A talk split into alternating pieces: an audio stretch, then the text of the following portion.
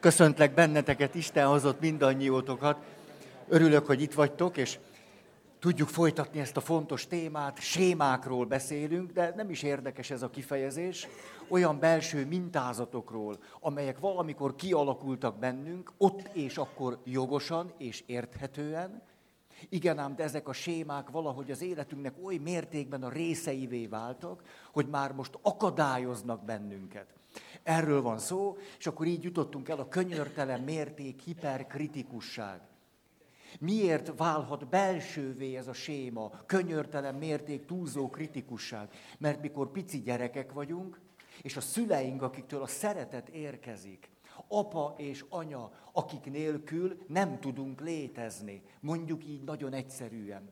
Hát ha ők mindenféle mértékeket állítanak elénk, persze, hogy érzünk egy belső késztetést, hogy annak megfeleljünk. És gyerekként ez a döbbenetes tulajdonképpen, hogy az evolúciónak van egy bölcsessége, ami ott és akkor nagyon hasznos, hosszú távon azonban gyógyulásra szorulunk emiatt, hogy érdemes nekünk ezekben a helyzetekben, mikor a szüleinktől egyébként valamit nem kapunk jól, túl sokat kapunk valamiből, túl keveset kapunk, esetleg bántalmaznak, esetleg valamiből nagyon egyoldalúan kapunk, arra a nem tudatos következtetése jutnunk, hogy a szüleinknek van igaza. Hogy ők látják és gondolják jól, és mi nem. Miért?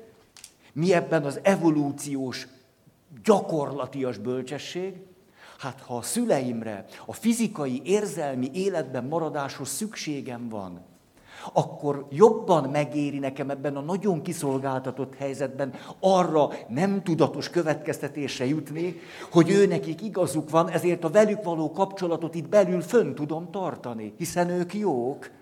Apa méltán mondja, hogy ez nulla, anya méltán mondja, hogy nem ad puszit, hogyha nem leszek ötös. Nekik igazuk van.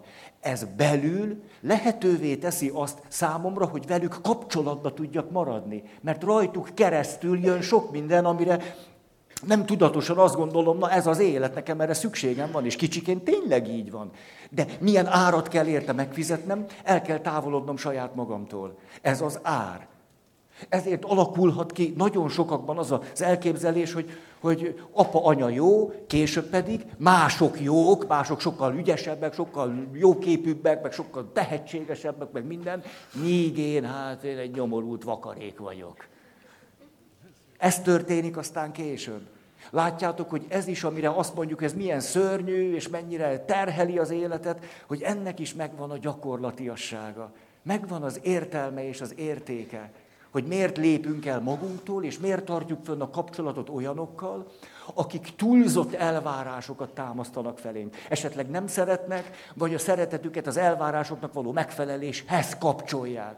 Ha sosem derül az ki, hogy hülyék vagyunk. Ez soha, soha, leglehetetlenebb dolog mögött is meglátjuk azt, hogy a lélek semmit nem tesz cél nélkül. Hogy hogyan próbál a lelkünk a segítségünkre sietni. Állandóan ezt fedezhetjük föl. És ennél a témánál, ennél a sérülésnél, sebzettségnél, amiből aztán egy séma tud kikristályosodni, azt látjuk, hogy ettől a belső motivációs rendszerünktől is nagyon könnyen eltávolodunk, ami most a nagy témánk, mégpedig a jutalmazás, büntetésre való fogékonyságunk megnő, és akkor is a jutalmazás, büntetés neked megfelelni belső logikája irányít bennünket, amikor sokkal-sokkal jobban járnánk, ha a belső motivációs rendszerünk annak az önjutalmazó részével lenne aktív. Ugye ez érthető, amiről beszélek.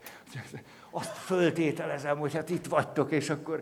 Na, de most akkor, tehát arról beszélünk, hogy ha valakit egy könyörtelen mérték, túlzó kritikusság belső világa sanyargat, szorongat, nyomás és szorítás alatt tart, ő előszeretettel lesz az a valaki, aki azt mondja, önmagamban nem vagyok szerethető, de ha esetleg teljesítek, akkor igen. Ez egy nagyon-nagyon fájdalmas belső logika. Önmagamban nem érek sokat, de ha ötös lesz a bizonyítványom, akkor talán anya, apa megdicsér, esetleg apa büszke lesz rám, azt persze nem mondja majd csak 50 év múlva, Addig csak kibírom valahogy, sok-sok-sok ötöst kell hozni, és ha majd apa azt mondja, hogy büszke vagyok rád, na akkor talán majd jól leszek. Ezért is lehetséges az, amire megint azt mondjuk, ezt miért csináljuk? Hogy Adler mondja, a legtöbb ember reggel fölkel és elindul a pofonjáért. És addig megy, míg meg nem kapja. És azt mondja, na, mondtam én, tudtam én. Hogy nem egyszer 30, 40, 50, 60, 70 évesen oda megyünk a szüleinkhez. És még tőlük várjuk, hogy na, az apám 80 évesen azt mondja nekem, miközben én 60 vagyok, hogy Feri, na, na, mert ez már dicséret, érted? Ez a na. És hogy képesek vagyunk évtizeden keresztül oda menni a szüleinkhez, és hogyha ők, ők nem változtak, mi meg szeretnénk változni, megkapjuk a pofont, és nem is értesz, miért csinálom, most miért... Így aztán könnyen munka-alkoholisták lehetünk, aminek a hátterében nem az van, hogy igényesen szeretnénk dolgozni, hanem űzötten hajtjuk magunkat azért, mert azt gondoljuk, ha majd azt megcsináljuk és teljesítjük, majd akkor valaki szeret. És ha valaki szeret, akkor majd azt gondolhatom magamról, hogy talán én is szeretetre méltó vagyok. És tudjátok, hogy ebben mi a, mi a fájdalmas csavar? Hogy hiába gondolom azt, hogy szerethető vagyok, ha nem szeretem magam. Érzékelhető a kettő közti különbség? Ezért van különbség az értékelés meg az ön becsülés között. Mert az önértékelés az, hogy elolvasok egy nagyon okos könyvet, és azt mondja, Feri, te szeresd magad. Mondja, jaj, hát erre vágytam, tényleg. És leülök, és azt mondom, Feri, hát én szeretlek. Na, mostantól szeretlek. És akkor hallom ezt, hogy mostantól szeretlek, és azt mondom, na de milyen alapon? Mi egy hülyét? Egy szerencsétlen majmot? Te miért szeretsz? Elkezdek zavarba jönni. Hát engem nem lehet szeretni. Hát jó, te, te szeretsz, jó, hát te nagyon rendes vagy, de mi közöm nekem ehhez? Az önértékelés, a racionális dolog, az önbecsülés egy alapvető érzelmi viszony saját magunkhoz. Há, az egy másik minőség. Hmm. Például, hogy szeretek magammal lenni. Hogy jól esik találkozni magammal, nem mutatom magam, biztonságban vagyok magammal. Ezek jó dolgok. Így jutottunk el a kiégés hátterének a fölvázolásához. Hogyan, miképpen vagyunk veszélyeztetettek? Kik azok? Hogy ismerjük föl? Egy gyors ismétlés. Pak. Ah, nektek is melegetek van? Neked nem. Nem. Igen, nem, igen. Most akkor hagynék tíz percet, hogy közös nevezőre jussatok. Az emberekkel mindig csak a baj van. Szóval, kiégés háttere, mondom egymás után, mindig van benne valami értékes dolog, de látjuk, hogy hogyan fordul át valami túlzásba, amitől nem lesz jó nekünk. Első, érvényes ideálok, itt és most való, kritikátlan számonkérése és alkalmazása saját magunkon elsősorban, mert most a kiégésről beszélünk. Második, kimagasló teljesítményre törekvés töretlenül. Harmadik, Hivatás szerep eluralkodása ott is, ahol az ember is megnyilatkozhatna. De azt háttérbe rakjuk, nem mindig csak hivatás szerep. Következő. Rutin, jó szokások, sőt erények, tanulás és fejlődés nélkül. Öt, kiégett, romboló szakmai környezet. Hány és hány olyan fiatal emberrel beszéltem, akik vagy akkor, vagy visszaemlékeztek, és azt mondják, például most eszembe jut egy pszichiáter, aki elmesélt, hogy élete első helyén bekerült ott a klinikára, ez nagyon nagy dolog volt, tehát egy tehetséges ifjú pszichiáter volt, és hogyan ütötték, vágták a kollégái.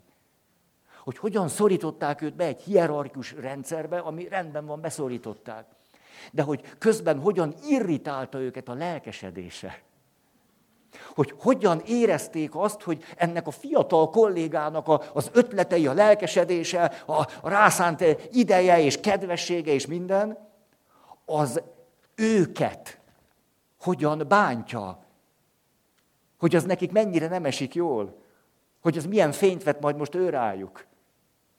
Igenis létezik olyan, hogy kiégett szakmai környezet, amiben nem jó lenni, ahol a te nagyon jó, természetes belső késztetéseid, minden az ötleteid egyszerűen mennek a kukába. Ez még az egyházban is így lehet. Egyes helyeken, nagyon elvétve. Nagyon-nagyon-nagyon elvétve. Na jó. Igen. És akkor elkezdtünk beszélni arról, hogy háromféle motivációt ismerünk, egyszerűen. Biológiai motiváció, élni, túlélni, enni, inni, szaporodni, melegben, melegben lenni. Másik, külső motiváció. Így jellemeztük, jutalmazás, büntetés. Jutalmazás, büntetés, büntetés, jutalmazás. Sok-sok büntetés, kevés jutalmazás. Az a biztos. Nem dicsérlek a szemedbe, mert elbízod magad. Szörnyű. Jót nem szabad embertársainknak mondani, mert rettenetes lélektani következményei vannak. És a bölcsesség ezt mondja, ugye? Semmi jót nem mondunk a másiknak, mert megzavarodik tőle. Viszont érdemes mindenkiből embert faragni. Tehát ne tartsuk őt még embernek, még faragni kell őt. És hogy érdemes faragni? Sok büntetéssel. Nagyon sok büntetés. Az, az. És akkor ember lesz a végén. Csak milyen? Szörnyű. Tehát Második motiváció, külső motiváció, jutalmazás, büntetés, és amiről elkezdtünk sokat beszélni, belső motivációs rendszer, ami egy önjutalmazó rendszer, elkezdünk belül jól lenni, belül érezzük a késztetést, és ahogyan csináljuk, közben jól vagyunk. És emlékeztek Carl Rogersre? Hát, hát csak emlékszünk. Hát annyira hülyék nem lehetünk, hogy ne emlékezzünk Carl Rogersre, aki azt mondja, hogy a boldogság nem cél, hanem folyamat. Nem állapot, hanem valamiféle irányultság. Csí, ez zseniális, ennél jobban ezt nem is lehet összefoglalni. Jó, és akkor. Mi okozza a nehézséget? Nem az, hogy van biológiai motiváció, van belső motiváció és külső motiváció, hanem ha nem az működik éppen, amelynek érdemes volna működnie. Vagy mindig az egyik működik. Hadd hozzak erre egy példát. Mondjuk a, az alkoholbeteg, aki azt mondja, hogy akkor teszem le az italt, majd egy belső késztetést érzek, egy mély belső vágyat. Hát akkor érdemes melléd egy közértet rakni, mert csak belőled is meg fognak élni. Milyen mély belső vágy. Hát lehet, hogy annyira tönkre van a személyiség. Tudjátok, egy kedves ismerősöm alkoholbetegekkel foglalkozik több mint 40 éve. Azt mondja, hogy alkoholbeteg ember mondjuk két ok miatt hagyja abba. Mondjuk az egyik, hogy halálfélelme van.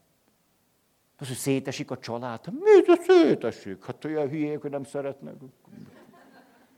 Halálfélelem. Egy kedves ismerősöm ezt mondja mindig, féltem a tyúkszaros életem.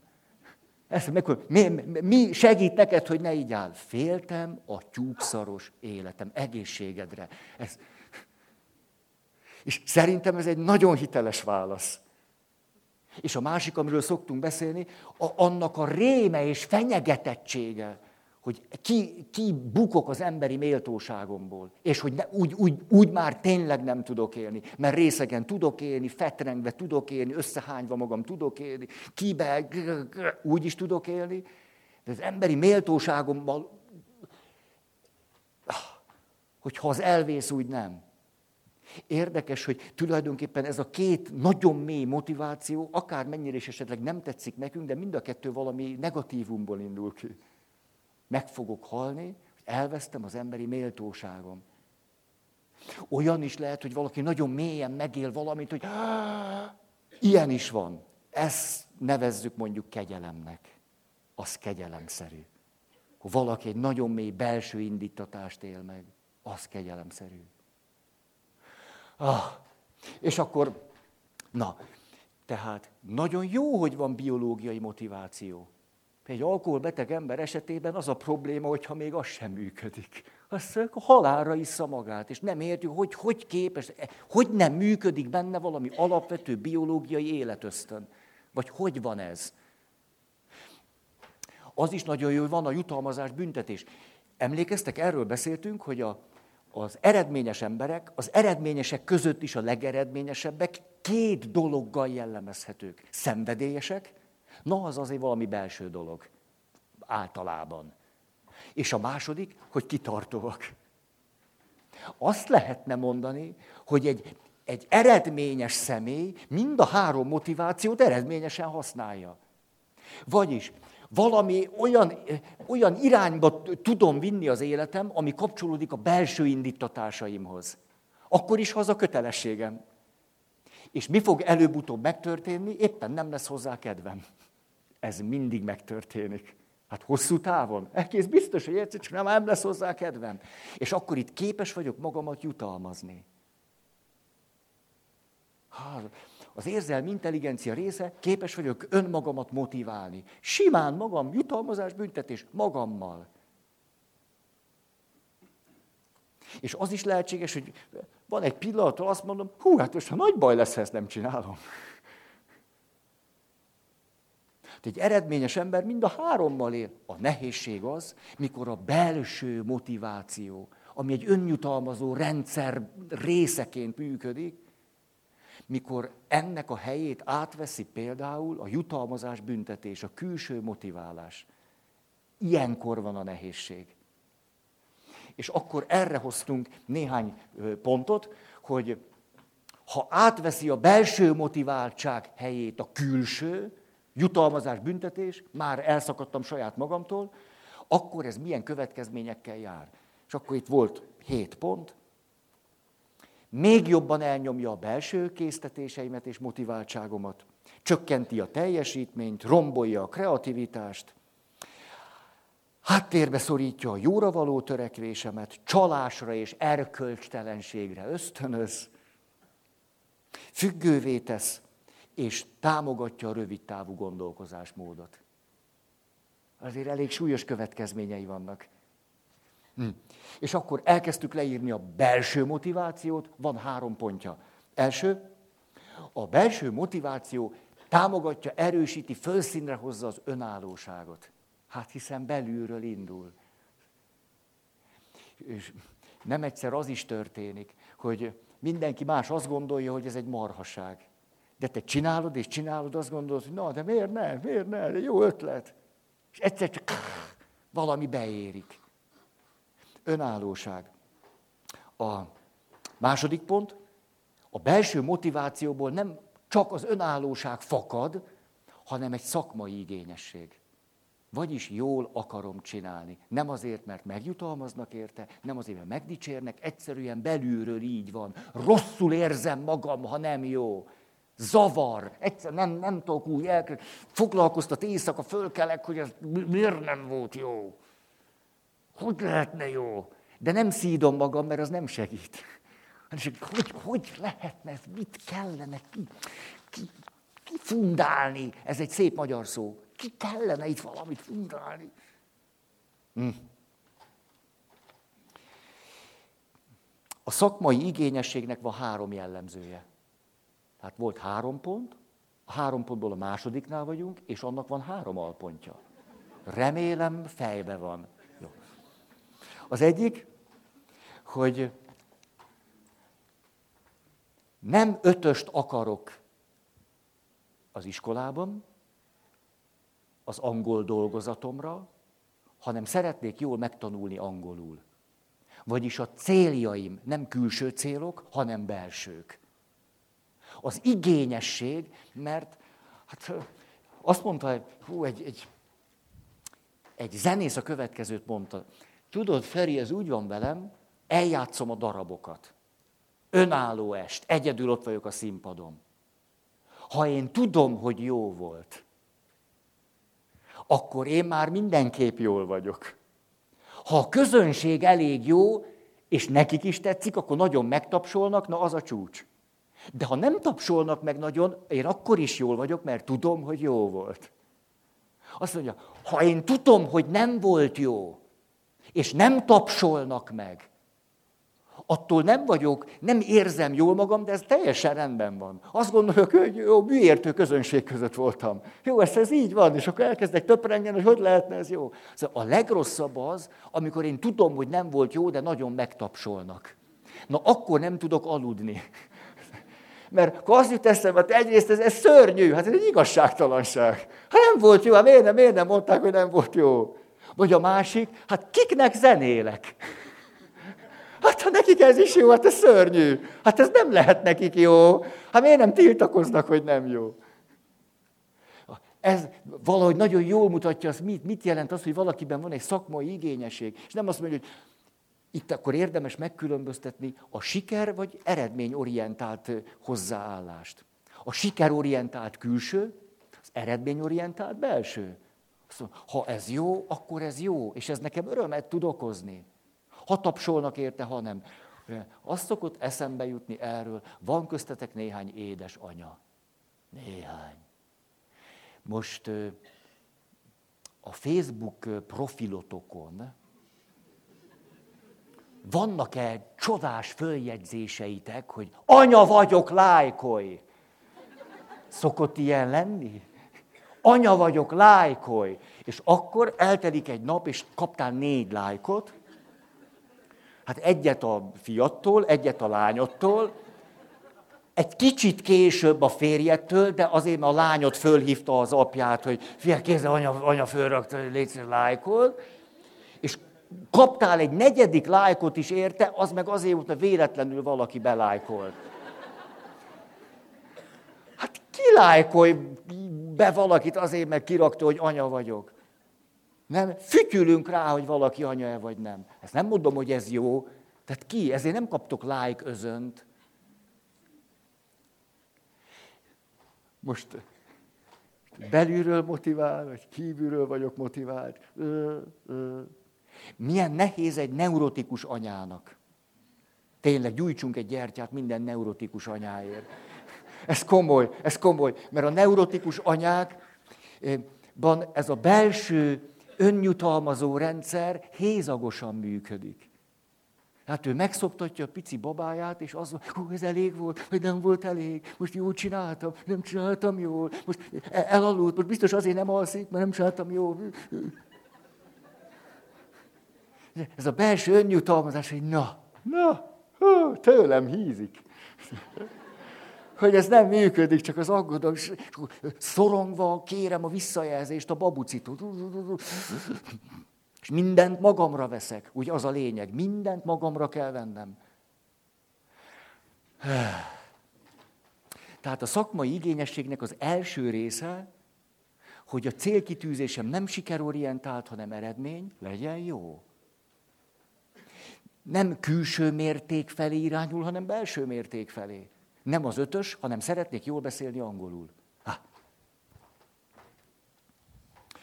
Hát tudjátok, el, el, elmesélek nektek valamit. Az papnevelő intézetben olyasmit csináltam, hogy elővettem Montág Imre nyelvművesség könyvét, és én abból gyakoroltam. Ezt képzeljétek el. Mindenki hülyének nézett hogy miért olyan fontos, hogy a szóvégi mással hangzókat kimondjuk. Nem fontos, de érdemes úgy. Mert az úgy akkor egy magyar nyelv. Na jó. Tényleg, nagyon izgalmas. Hány szót tudsz elmondani egy levegővétellel? Én ezt gyakoroltam. Nem mondom, hogy jó, hát Mindegy, gyakoroltam, és kész. Gyakoroltam. Oké, okay. második, hogy a szakmai igényességhez tartozik az is hozzá, hogy akkor is folytatom a munkámat vagy a törekvésemet, ha fáj. A Cathy Freeman szeretem idehozni. Tudjátok, Kathy Freeman, olimpiai bajnok, 400 méteres síkfutónő. Ő gyújtja meg a Sydney olimpián az olimpiai lángot. És emlékeztek arra, hogy hát ezt muszáj elmondanom, ketté osztott mű, képernyő. az egyik képernyő felen azt lehet látni, hogy Kathy Freeman tíz évvel a, report készítése előtt éppen ott van a Sydney olimpián 400 méter síkfutás döntője. És azt mondják, hogy rajthoz, és akkor fogja, leveszi a melegítő cuccát, és beáll a rajtgépbe, és ott van, és akkor vigyázz ezt lehet látni, és utána fut, mint az őrült. Jó, ezt most nem, jó?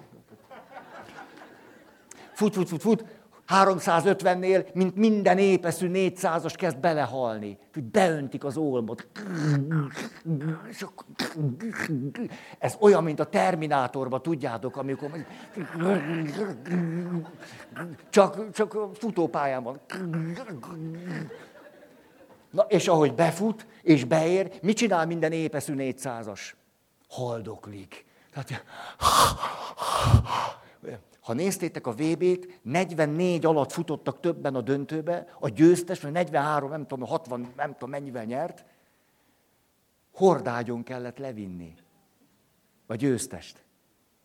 Ez nem úgy, hogy győztem, gyerekek! A, a máj, az, a, a, szóval nem szeretnék egy 400 méteres síkfutónak a mája lenni. Ezt szeretném elkerülni mindenképpen. Ugye? Ne, tehát azt ne, azt ne. És, de miért akarom ezt mondani? Mert amikor ott van, és nem kap levegőt, nem tud ilyenkor, ugye futottatok valaha 400 métert? Nem. Aki nem, neked 200 méter is elég. Hát, te ott is ezt meg fogod élni, az egész biztos. Csak, csak nyomjad, és az olyan, hogy, hogy azt gondolod, hogy valamit tudsz tenni magadért, és ez nincs így. Hát azt gondolod, ha lefekszel, jobb lesz, de nem ugyanolyan rossz, akkor fölkelsz, az ugyanolyan rossz, föltérdelsz, akkor így szorul. Kihúzod magad, azt nem bírod elviselni. Nem tudsz magadért valami olyasmit tenni, amitől jó. Mert nem tud jó lenni. Na de miért kezdtem el ezt mondani? Ugye az egyik képernyőn ezt látjuk. Legszívesebben mi kényszeres segítők oda mennénk, hogy az a Keti, Keti. No, no. De ne folytassad, hogy szenved, ezt ne csináld. És a, de mi, mi történik a másik részen? Tíz évvel a döntő után készül a riport, és azt mondja, hát tudtam, hogy én, mint ausztráliai őslakos, Hát én az, az egész nemzetemért is futok, de közben az összes őslakosért futok. Hogy én, hát olyan vagyok, olyan vagyok, mint Magyarországon Balcó, Paplaci és nem tudom, Puskás öcsi együtt. Hogy ez vagyok én. Hát ez hihetetlenül, hihetetlenül motivált engem. És akkor megnyertem, és tudtam, hogy igen, igen, igen. Szóval, hát én ne, nem boldog voltam, az nem jó kifejezés. Eufórikus.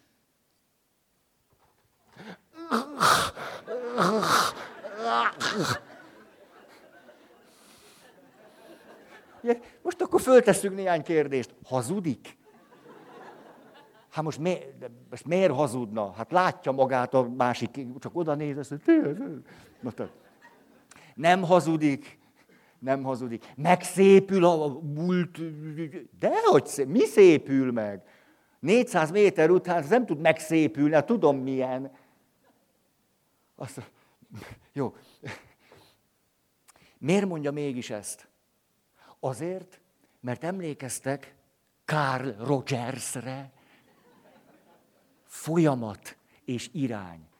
És ezért ő, aki szenvedélyesen, kitartóan nyomja végig a 400 métert, meg előtte a négy évet, meg a 14 évet, ő azt mondja, hát persze, hogy van benne egy olyan fázis, amikor beledöglök, de attól ez még jó. Nem a beledöglés jó, hanem az irány jó, meg a folyamat jó. És ezért ez minden további nélkül. És ez a szakmai igényesség része. Képzeljünk el egy 400 méteres sífutószlő 300 Ne ugyanok gyerekek, már kicsit fáradok. Hát, hát, most a sport nem szólt arról, hogy csak fáj. Az olyan, de tényleg olyan, hú, láttam egy boxdöntőt eléggé megvert az egyik a másikat. De mikor leléptették, technikai káó volt, akkor a győztes, hogy oda szaladt a veszteshez, aki elment a sarokba, és ölelte át. Hogy jól vagy, haver. Na, hát... Jó. Hát ez volt a másik, hogy a belső motiváltságból, ami önmagából következik az önállóság, annak a kibontakozása, gyakorlása. A második a gondolkozásnak a sajátossága, nem siker, hanem eredményorientáltság, kitartás és szenvedély, és a harmadik, hogy olyasmi ösztönöz bennünket, amiről tudjuk, hogy soha nem fogjuk elérni. És ez nem okoz nekünk nehézséget, mert nem azt gondoljuk, például, mint sokan a boldogságról, hogy ez egy állapot, amit mint célra törekszem, és hogyha megvan, akkor jól vagyok. Tudját, ettől vagyunk rosszul. Tehát mindenki, aki két dologra törekszik az életében, mi az életcélod? Szeretnék boldog és sikeres lenni. Neked annyi. Ezt lehet mondani. Tehát most kimondhat magadról a pusztító ítéletet, mert aki a sikerre, meg boldogságra, mint célra irányul, és az van a fejedben, hogy ez egy állapot, amit egyszer elérek, és akkor attól kezdve jó, neked véged van. Ez egy pusztító téveszmék. Most elképzelem, ezt képzeljük el, te azt mondod, igen, hát a boldogság a cél, és én törekszem rá, és már van hozzá egy férjem is, és jó, hát de nem idomul az a baj, nem idomul. Pedig már majdnem ott a 80 százalékos már, nagyon csavarom, facsarom, és hát, na most, képzeljük el, hogy, hogy elérted a boldogságot. A férjed napokon keresztül pont olyan, mint a te összes elvárásod. Jó. És képzeld el, hogy ott tűz, így este, kedd este van, ugye ilyenkor már nem járunk Pálferire, mert hát... Hát miért ő hülye vagy? Boldogan? De hogy járok. Jöjjenek a nyomorultak. Ott vagy így, boldogan, a férjed pont olyan, mint minden elvárásodban, mindent úgy, úgy néz, úgy nem néz, ugye, mert néha ne nézzen. Hát de akarjon mindent tudni, nem? Ott, és egyszer csak jön mondjuk egy szúnyog. Belécsi. Oda a boldogság, pedig most megvolt az állapot. Nem egy, nem egy, nem egy állapot, amire mint célra lehetne törekedni. Egyszerűen nem az, hanem valami irány, és egy folyamat, és akkor... Nem, de Hát a szülés is. No. nem, ezt nem folytatom. Nem, nem, ez jó, ez jó.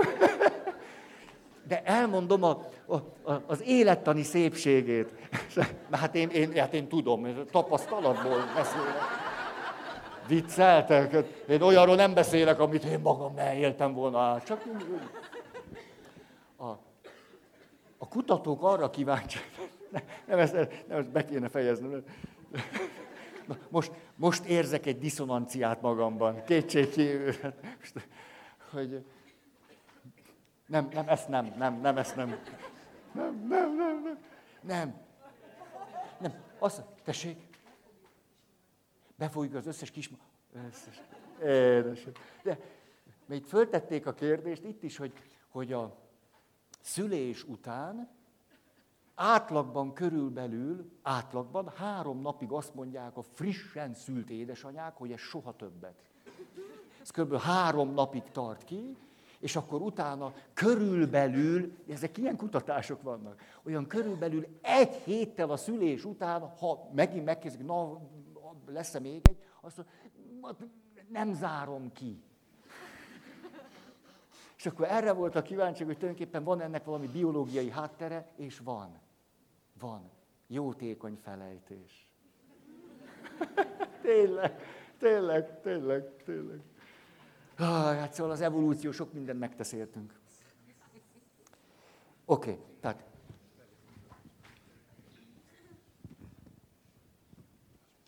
Önállóság első pont. Szakmai igényesség második pont. Ennek volt három alpontja. Belső motivációnak a leírásánál tartunk. Harmadik pont. Céltudatosság.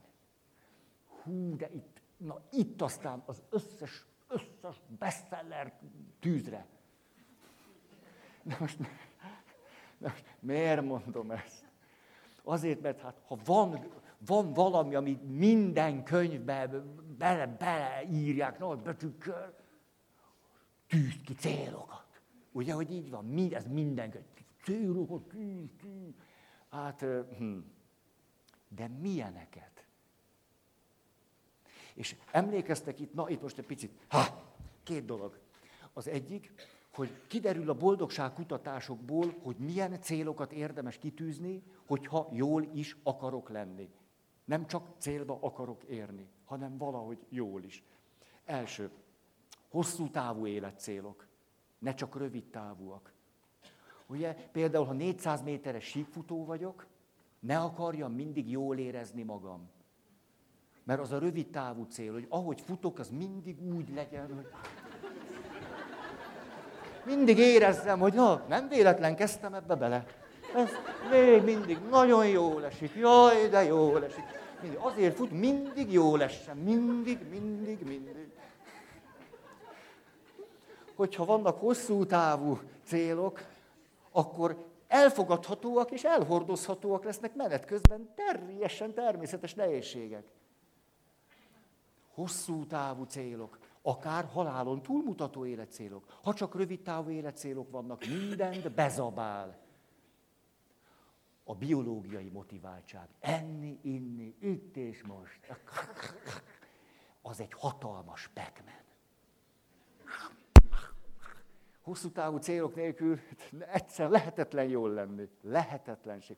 Második, ne csak hosszú távú céljaink lennek, legyenek, közép és rövid távúak legyenek, de hosszú távú is kell. Második, ne csak külső életcélok, hanem belsők. Na, erről már beszéltünk eleget. Belső. Belső életcél. Egészség, puh, harmónia, hm, erények, és a többi. Puh, ez jó. Ne csak külső-belső, de most jön, a, most jön a szépe. A belső életcélokból is van két fajta. Én központú és nem én központú. Nem elég, hogy valakinek belső élet célja van. Mert ha az én központú, én legyek boldog, én legyek harmonikus, én legyek, én, én, én, akkor ott minden arról szól, hogy én. Hát én meg, na. Senki se elég önmagának. Tehát ha mindig csak én központú belső életcéljaim vannak, nem leszek hosszú távon jól. A kutatások azt mondják, azok vannak jól, akiknek vannak nem én központú belső életcéljaik. Ez tetszik.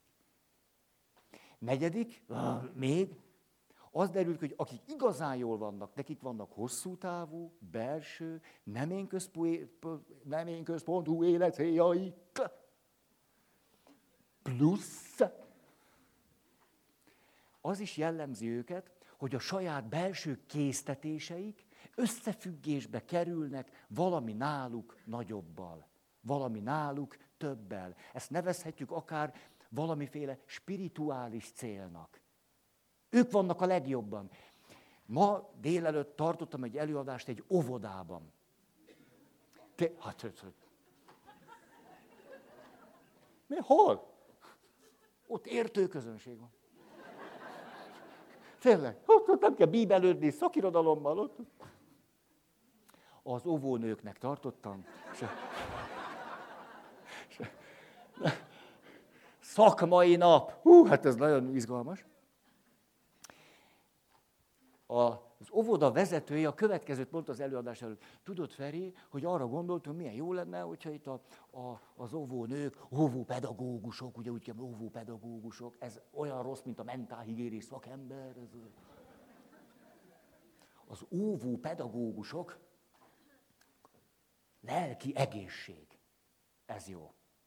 Azt mondja ez az igazgatónő. Igen, de ahogy, ahogy arra gondoltam, hogy jó, hát akkor most elhívunk téged ide, és mi hát vagyunk mondjuk 18-an, hát ez nem rossz, nem rossz, de hát, de hát mikor jössz te a mi városunkba legközelebb? Hát ki tudja. Hát most mi lenne, hogyha azért a szülőket is meghívnánk? Nem, nem lenne jobb? Akkor legyenek a szülők is itt, akkor ők is ugyanazt hallják, mint... És akkor ez milyen jó lenne. Meghívták a szülőket, azt mondja, tehát tulajdonképpen nem, nem, nem csak a mi szüleink vannak. Hogy hát vannak mások is, most miért, hát ha valaki ráér, hát te úgyis itt vagy, az milyen jó lenne, hogy ki, ki tágítanánk ezt a kört, és akkor ők, ők is bejöhetnének, és halljátok ezt? Tehát van valakinek egy, egy, Egy belső motiváció. Ú, ez, ez de jó lenne, ezt meg kéne csinálni. És utána elkezd magán túljutni. És akkor a saját csoportján is túljutni, és azon túljutni. És egyszer csak megjelenik valami olyan cél, ami messze túl van azon, hogy nekem legyen valami jó. És amikor valaki így mozog az életben, ő van jól. Mert egyszer csak az körülött ott zajlik az élet. Ez mindenki hálásan megköszönni, és eleve jól érzi magát ettől. Még meg is köszönik. Látjátok, tehát a jutalmazás büntetés úgy, mint a taps a, hegedű művésznél, vagy a zongora művésznél, hogy jó az, de nem azért csinálja. De az föl tudja erősíteni azt, ami belül lejátszódik. Ha, milyen egy jó fej igazgatónő? Férfi.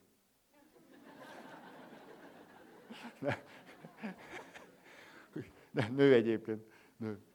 Ah, szóval valami, valami spirituális céllal, valami nálam többen összekötni azt, ami nagyon személyesen belülről engem motivál. Tehát rendben van, hogy célokat kitűzni, de hogy miért, na az egyáltalán nem mindegy. Hosszú távú, belső, nem én központú, plusz valami, ami nálam több, azzal kapcsolódjék össze. Há, ez a titok nyitja. Azt mondtam az imént, hogy két dolgot szeretnék mondani. És ez volt az egyik. Most a másik. Emlékeztek, hogy, hogy beszéltünk arról, hogy milyen helyzetekben termelődnek azok a hormonok, amikor jól vagyunk. Ezt szeretném nektek fölidézni, hogy melyek ezek a nagyon alapvető helyzetek, és hogy mi történik akkor, hogyha a belső motiváltságban valami megsérül, és elkezdünk valami zsákutcába futni, és közben nem értjük, hogy mi történik. Az első így szólt, akkor vagyunk jól, mert termelődnek azok a hormonok, amelyek akkor termelődnek, amikor jól vagyunk, amikor minket valaki észrevesz. Mi észreveszünk valakit, fölfedezünk valakit, rácsodálkozunk valakire, fölfigyelünk valakire, figyelmesek velünk, odafigyelnek ránk. Ettől elkezdünk jól lenni. Az emberi természet szépsége. Mi ennek a nagyon mélységes gyökere? Egy pici baba, ha nem veszik észre, meghal. Azt, hogy fölfigyeljenek ránk, így kezdődik az élet.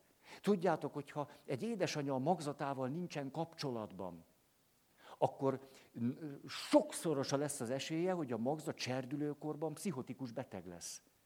Hát az, már az számít ebből a szempontból, hogy figyelnek-e rám, fölfedeznek engem, hogy magzatként az anyám hogyan érez és gondolkodik rólam. Ez nem hogy számít, hihetetlen sokat számít. Azt gondolnánk, hogy mit, mit, hát...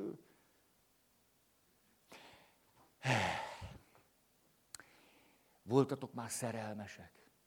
Nem, nem, jó, örülök neki, hogy... Semmi olyat, amitől elvesztjük a fejünket, az semmiképp, semmiképp. Terminátornak igaza van. Célkitűzés, Sarah Connort meg kell védeni, és akkor nem. Nem, ez, ez, ez, ez. És a, azért jó decemberünk lesz. Arra jutottam. Most a karácsony miatt is, de az, az most máskor is van, de új James Bond film. Ha, na, na, a csillagok háborúja hét. És a harmadik, amit én személy szerint nagyon igénylek, Snoopy film. Snoopy. Egész estés. Hát én, én, nekem ez az adventem csodás lesz, egész biztos. Csak attól félek egy kicsit, hogy sok rorátem is kipurcant. De ha, ha valahogy normális tudok maradni, én ezt nagyon, fú, hát ez, ez, ez, ez csodás, és már november elején kezdődik. Ez egy jó, jó, ez hosszú, hosszú, hosszú. Hú, hát, na jó. Főleg a Snoopinál kicsit elvesztettem a fonalat de tudom, a szerelemnél jártam. Ugye, hogy hát az, ha, most, ha mondjuk valaki olyan gyárilag boldogtalan, hát az az, az élményed, hogy az, az, az, az, az persze nem gyárilag van, hanem hogy na, belehúztál egy rossz prospektusba. Hogy most, hogy akkor, még akkor is, hogyha egyébként azt mondod, hogy nem, nem is tudom, mikor voltam utoljára jól, de azért, mikor szerelmesek vagyunk, azért az hogy van? Egyszer csak azt, azt megén, hogy valaki engem fölfedezett, és a szemével engem nézi. Engem, hogy engem észrevett. És akkor a barátnők összesúgnak, ugye úgy van, a barátnők összesúgnak, azt mindenképp kell, össze kell súgni. Mert az, az fokozza az élményt. És az, te, te láttad, hogy a, a Laci téged mondjuk, mondjuk, hát néz. És akkor, há, és akkor engem néz komolyan a szemével? Te, hát igen, kifejtem. A szemével biztos, de még sok mindenre gondolhatunk. És, a, és nézd, nézd, e, engem, engem nézd, szerinted én, én. És hogy ennek a fordítottja, Karinti, hogy nem nekem köszöntek. Ugye megyünk az utcán, és akkor valaki integet, és akkor, hát nem ismerem, de olyan kedves, hogy kíros lenne, nem, és az igen, szervusz, szervusz, és elmegy mellettem, és a mögöttem lévőnek ad két puszi. És te meg, ah, igen, igen, igen, igen.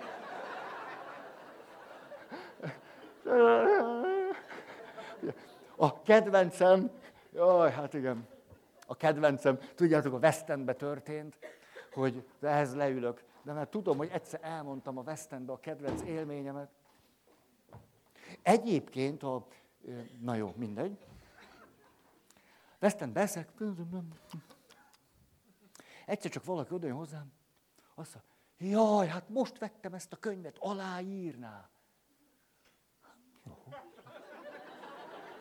Aláírom, mert én írtam tényleg, nem, nem, nem volt tévedés. Ugye volt valaki, aki Pálhegyi Ferencnek a könyvét akarta megvenni, és akkor sajnos belefutott egy kapitális tévedésbe.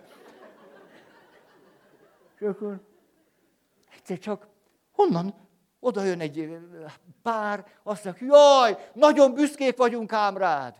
Hó, Hát ez jó esik, az előbb dedikáltam, egyébként eszek, és most ez, nem, ez élet úgy látszik szép. Igen, igen, igen, és most itthon vagy?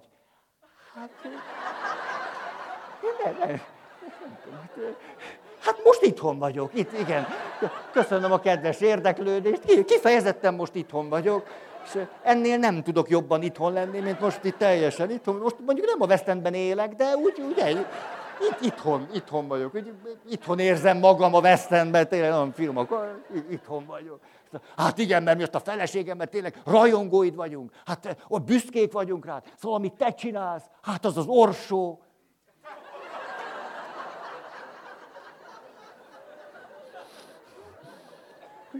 Elkezdtem gondolkozni, van egy történetem az orsóról, az az orsó, hát ez, mit, mit tudok én az orsóról, és Csípke Rózsika. És látták rajtam, hogy nagyon bután nézek. Most ez egyébként nem szokott megerőltető lenni. Egyszer csak úgy, hirtelen úgy, hogy mondjam, amikor úgy, úgy magamhoz közel kerülök, akkor... Nem te vagy a Besenyei Péter!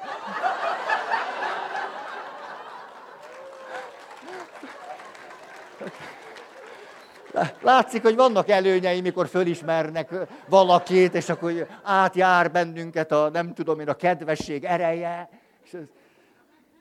Szó... Na, igen, hát így, így.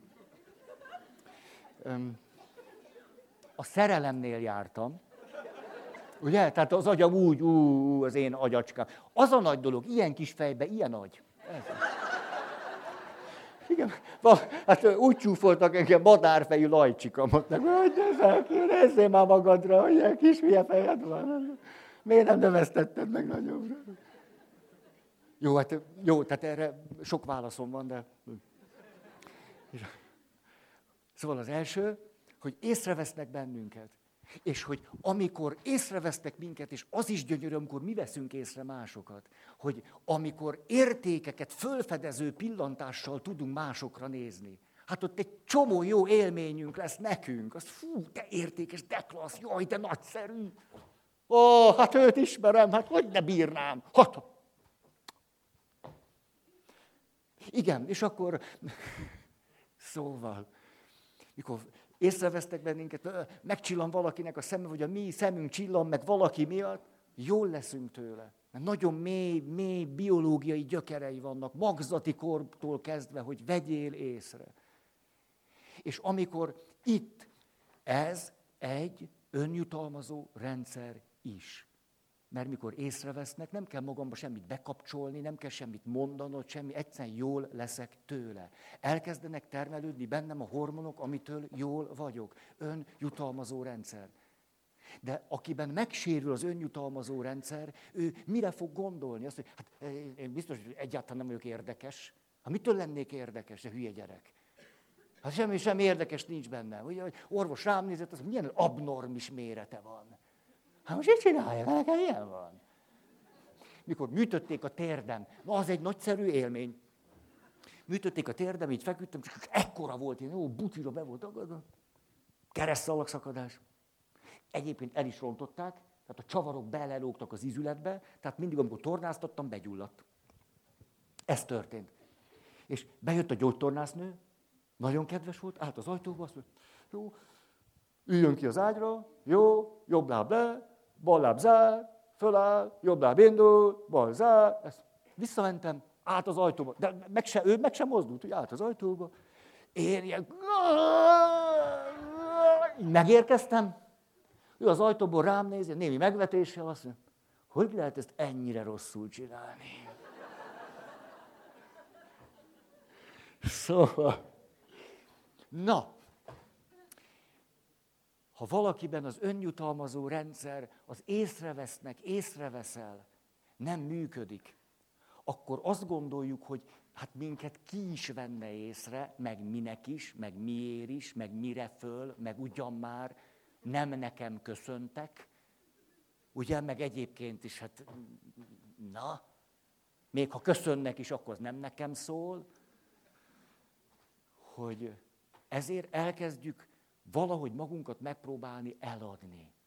És akkor mindenféle, akkor ilyen leszek, és olyan leszek, és, és jön, egy, jön egy külső folyamatnak a fölépítése. Hogy azt gondolom, hogy ha te azt látod rajtam, hogy én rajtam menő, nem tudom én mi, üző, gatya van, vagy mit tudom én, mi van rajtam, menő, üző, hogy majd akkor észreveszel, és akkor majd nekem jó lesz. És ez nem pótolja a belső motivációs rendszerből fakadó önjutalmazást. Azt olyan észreveszünk valakit, és hogy ő észrevesz bennünket. Mert ugyanis még a kételyt is megerősíti. Elég trendie a szagom. Jó az illatom. Elég trendi. Hú, hát ez már nem trendi. Ez tavaly volt jó illat. Majd elkezdődik egy olyan kör, ami a kételjeimet erősíti föl. Belenézhetek este a tükörbe, a ráncaimat mustrálva. Ú, hát így már nem. Hát így el, kétszer annyian fognak elmenni mellettem. És én is elgondolkoztam a plastikán. Na jó, jó, most ezt befejezem. Tehát ez az első. Lenne bennünk egy motivációs rendszer, hogy észrevegyünk másokat, mások észrevegyenek, ettől jól legyünk. Ez egy önjutalmazó rendszer része, termelődnek bennünk a hormonok, de ha ez tönkre megy, és a szüleink csak akkor vesznek észre, ha olimpiai bajnokok leszünk, mi lesz most szegény Berki Krisztiánnal? Nem fog kijutni az olimpiára. Nem biztos még. Nem. Nem. Hát nem. Második. Második. Akkor termelődnek bennünk a hormonok, önjutalmazó belső világ, hogyha egymást kölcsönösen megbecsüljük és tiszteljük.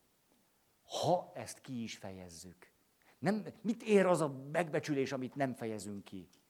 Ha ezt ki is fejezzük.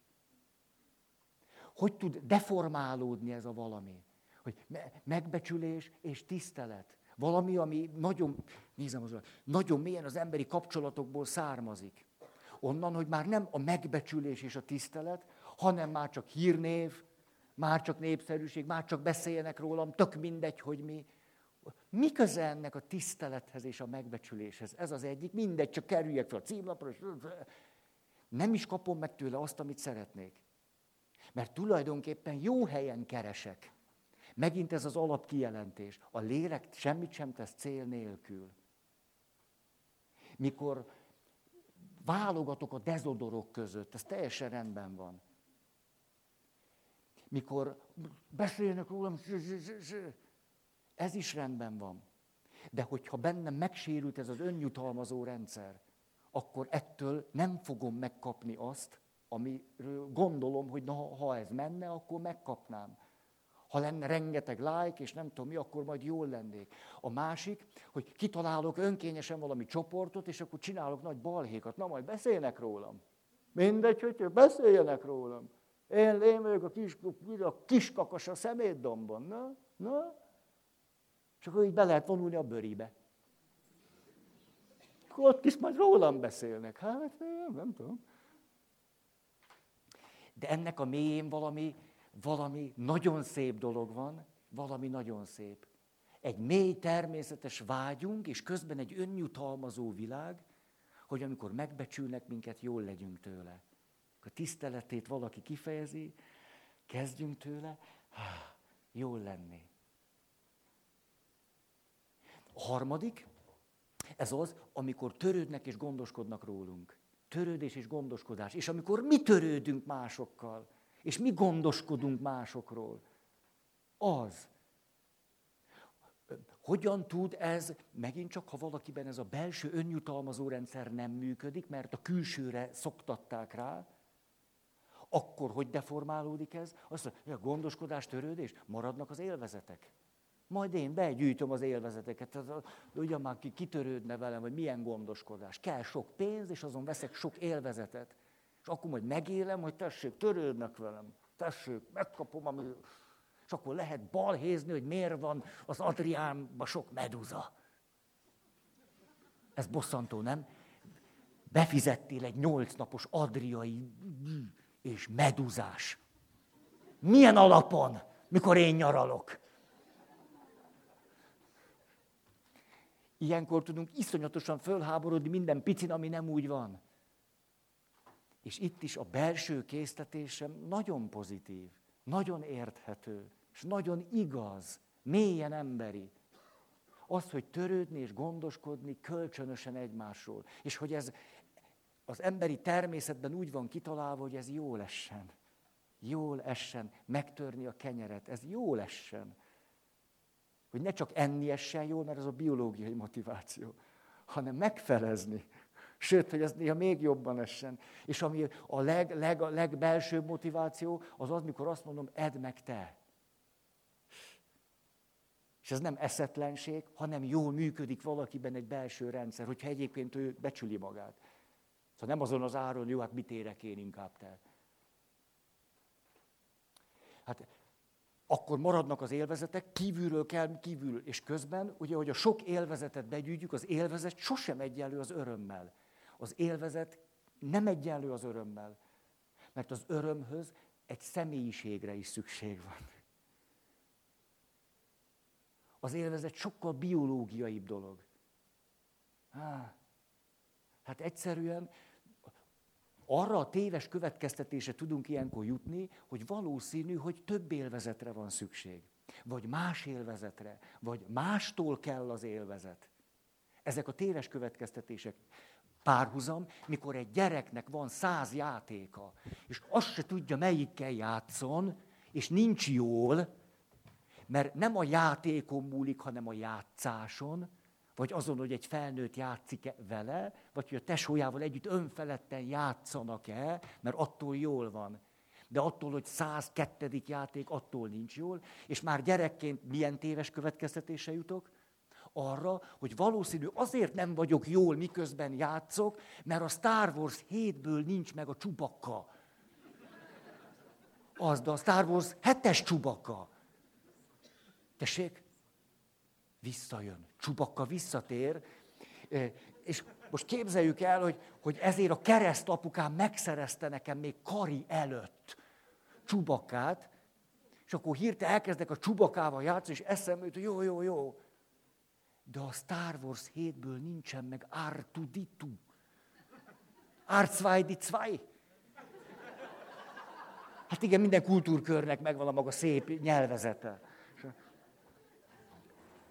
Vagyis arra a téves következtetése jutok, hogy nincsen elég játékom. Nem pedig arra, hogy nem tudok jól játszani. És hogy bennem valami megsérült, mert ha önfeledten tudnék játszani, akkor elég volna egy orsó is. És azt tök jól el lehetne vele játszani, de nagyon jól. Nem kell csubakka a Star Wars 7-ből. Jó. Negyedik. Az pedig, mikor következetesen ember számba vesznek minket. Ettől elkezdünk jól lenni. És amikor mi ember számba veszünk másokat, az emberi méltóságukat fölfedezzük, akkor is, hogyha nem könnyű nekünk velük. Mikor ezt megtesszük, elkezdünk, pú, hát tele leszünk erővel, meg jó érzéssel. Na, e, na, na. Hogyan deformálódik ez? Mikor már lenevelődtünk a jutalmazás büntetés miatt és sok minden másokból a belső jutalmazó rendszerünkről. Hogy próbáljuk ezt a személyességet valahogyan megragadni? Hát a válasz egyszerű. Minden személyre szabunk. Nem fedezzük azt föl, hogy mit jelent, hogy személy vagyok és te, és ennek mi az öröme. Hanem azt gondoljuk, hogy az egész világot személyre kell szabni, mert ha személyre szabok mindent, akkor megélhetem azt végre, hogy én is egy személy vagyok, amitől talán jól leszek. Ezért kell a mobiltelefon alkalmazásait személyre szabni. Az exkluzív adriai nyaralást, vagy franciaországi síjelést személyre kell szabni. A PC-t is személyre kell szabni, sőt, most már a zuhanyt is személyre kell szabni, a WC-t is személyre kell szabni. Minden személyre kell szabni. Érzitek ennek a fájdalmas részét? Valójában mire vágyok? Hogy örömmel töltsön el az, hogy személy vagyok. Hogy te személynek láss engem, én téged annak, legyen köztünk valami, ez végtelenül egyszerű. Semmi nem kell hozzá. És ez úgy van kitalálva az emberi természet, hogy ettől jól is legyünk. És akkor ettől eltávolodunk, megint jön a tévesztbe, hogy a, a, akkor érzek majd valamit, amiről nem is tudom, hogy az van-e, csak úgy sejtem, hogy kell valaminek lenni, ha mind az egész világot személyre szabom. Látjátok ennek a lehetetlenségét? Hát persze, hogy látjátok. Hát... Tehát ezek a belső rendszerek nagyon jól működnek, ameddig hagyjuk őket, és bátorítjuk, támogatjuk. És utána, és utána elkezdünk valamit keresni, és nem értjük, hogy mi nem működik. Hogy, hogy nem működik. Már ennél jobb illat nincs. Ennél drágább táska nincs. Nincs ez a legdrágább. Miért nem veszed észre? Hogy így kell menni a táskával, így megyek.